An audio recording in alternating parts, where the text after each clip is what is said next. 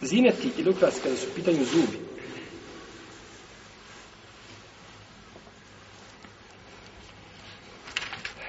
Braćo moja, šerijat traži od čovjeka, kao što smo kazali, čistoću.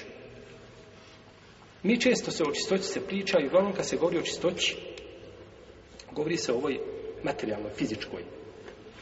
Prava čistoća je čistoća duše.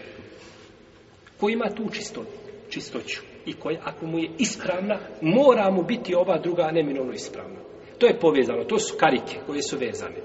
Ako si ispravno shvatio svoju vjeru i očistio svoju dušu, mora ti tijelo biti čisto. To je neminovno. to je neminovno. Pa često se govori o ovoj drugoj vrsti čistoće. Iako je ova prva bitnija, ali se ova druga ne smije zapostaviti.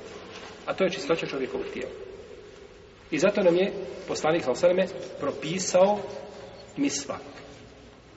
I učinio ga najvećim oblicima sunneta, tako da imamo preko stotinu hadisa, kako kaže Ibnul Mulakin i drugi, koji govori o misvaku. Neki su daif, a mnogi su od njih sahih. I tako da su ljudi posvetili posebne, čak imamo jednu doktorsku disertaciju vezanu za misvak doktorska disertacija zaslužuje mi svak. Jedan štapić obični zaslužuje da se o njemu čovjek zabavi tri ili četiri ili pet godina stalnog rada po 12 sati i da dioptriju poveća za dva. Dok to završi. To, to zaslužuje jedan štapić? E jeste, to, je, to zaslužuje jedan štapić u islamu. Pa šta misliš onda šta zaslužuje islam kao vjera?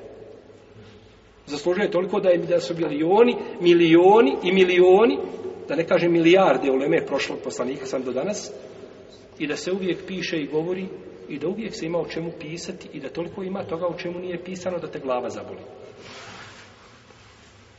Dobro. Gdje smo bili? Misvak. Dakle, misvak je vraćao matharatun in tem li čistoća je, za, kako došlo bi čistoća za usta, zadovoljstvo gospodara. I navodi se u hadisu kada čovjek dođe i kada očisti svoja usta mi svakom i uči Kur'an da dođe melek i da stavi svoja usta na njegova i da to ide direktno njemu. Nakon što je očistio i svakom. I tako, znači, brojni su hadisi, znači, koji govore, jeli, ovaj u korist, i svakom. Ili postiću jedna misla, kaže poslanik, sallallahu sallam, od da bili Buhari muslim, da se ne bojim da će otežati svoga umetu, naredio bih ovaj vjernicima da klanjaju jaci kasnije vrijeme i da ovaj koriste mi svak pri svakom namazu. Međutim, poslanik sam nije htio da optereti. Što znači da je ova stvar krajnje znači pohvala. Da čovjek čisti, znači mi svakom, ili da čisti, to isto postiže se ta korist, tako da čisti, znači sa četkicom za zube i slično tome, ovaj, i da održava tu oralni, oralnu higijenu, Braći moja, to je jako bitno kako strani jednog i drugog supružnika i znajte da mnogi bračni brakovi pucaju zbog toga zbog znači neprijatnog mirisa koji nalazi kod jednog supružnika da bježe jedno od drugog i da bračne veze pucaju zbog toga. I zato se čudim, ne mogu se računiti kada vidim u brata muslimana, a vjerujem da tako ima i kod sestara, znači u ustima mu groblje, mezarije. Kao da mu je bomb, kao da je voz prošao kroz ustam i jedan pokvaren zub, drugi je preko trećeg, četvrtije, znači pa dobro, živ bio, imaš ti, ima osiguranje. Dobro, nemaš osiguranje, ima zekijat i negdje se mora naći nekakvo rješenje za tebe. Zašto ti da ima negdje što se zove zubna ordinacija negdje, da pokucaš tu i da upitaš za savjet. Da dođeš čovjek ako nemaš par kaže slušaj ja para nemam, a ja odavde ne idem. Ja sam bolestan, liječi Pa ima ljudi mu dobro tvora muslimana koji prije živ bio uđi, neko danas bude za Allah, ovo je drugo bilo za mene, neko bude za Allaha ovih 10 minuta. A da, da vodiš računa o sebi, tako isto, naročito žena, ovdje je žena još bitnija. Znači da vodiš brigu o sebi i da vodiš, znači, a ne da ovaj, na takav način daješ užan primjer i svojoj djeci ovaj, i, i drugim muslimankama. Dakle, ovo, braću, čovjek može smatrati da je nebitna stvar, ali vjerujte da je jako bitna. No, međutim, ima pretjerivanje kada u pitanju svak. Pazite, ima pretjerivanje. Ma pretjerivanje da ljudi sjede pola sahata i čisti zubem svaku. To nije sunat. Sjedi i samo, pa dobro, ti si očistio su završeno. Očistio zube kako treba, minutu, dvije, tri, pet trebaš da očistiš i završio se. Dobro, šta je nakon toga još treba pola sahta da čistiš? Šta čistiš? I to će naći, znači, ljudi da sjede na predavanjima, da čiste ovaj e, zubem i svakom. Ne, to je neispravno.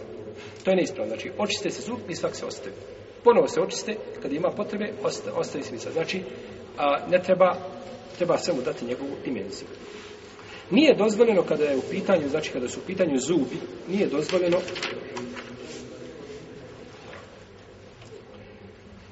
da se pravi razmak između zuba.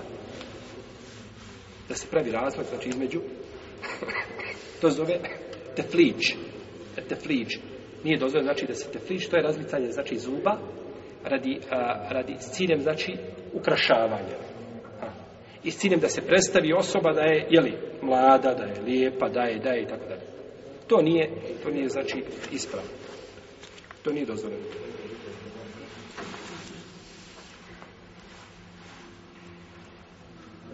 Jer je poslanik sallallahu alejhi prokleo one koji to čine radi uljepšavanja i koji mijenja Allahov stvorenje.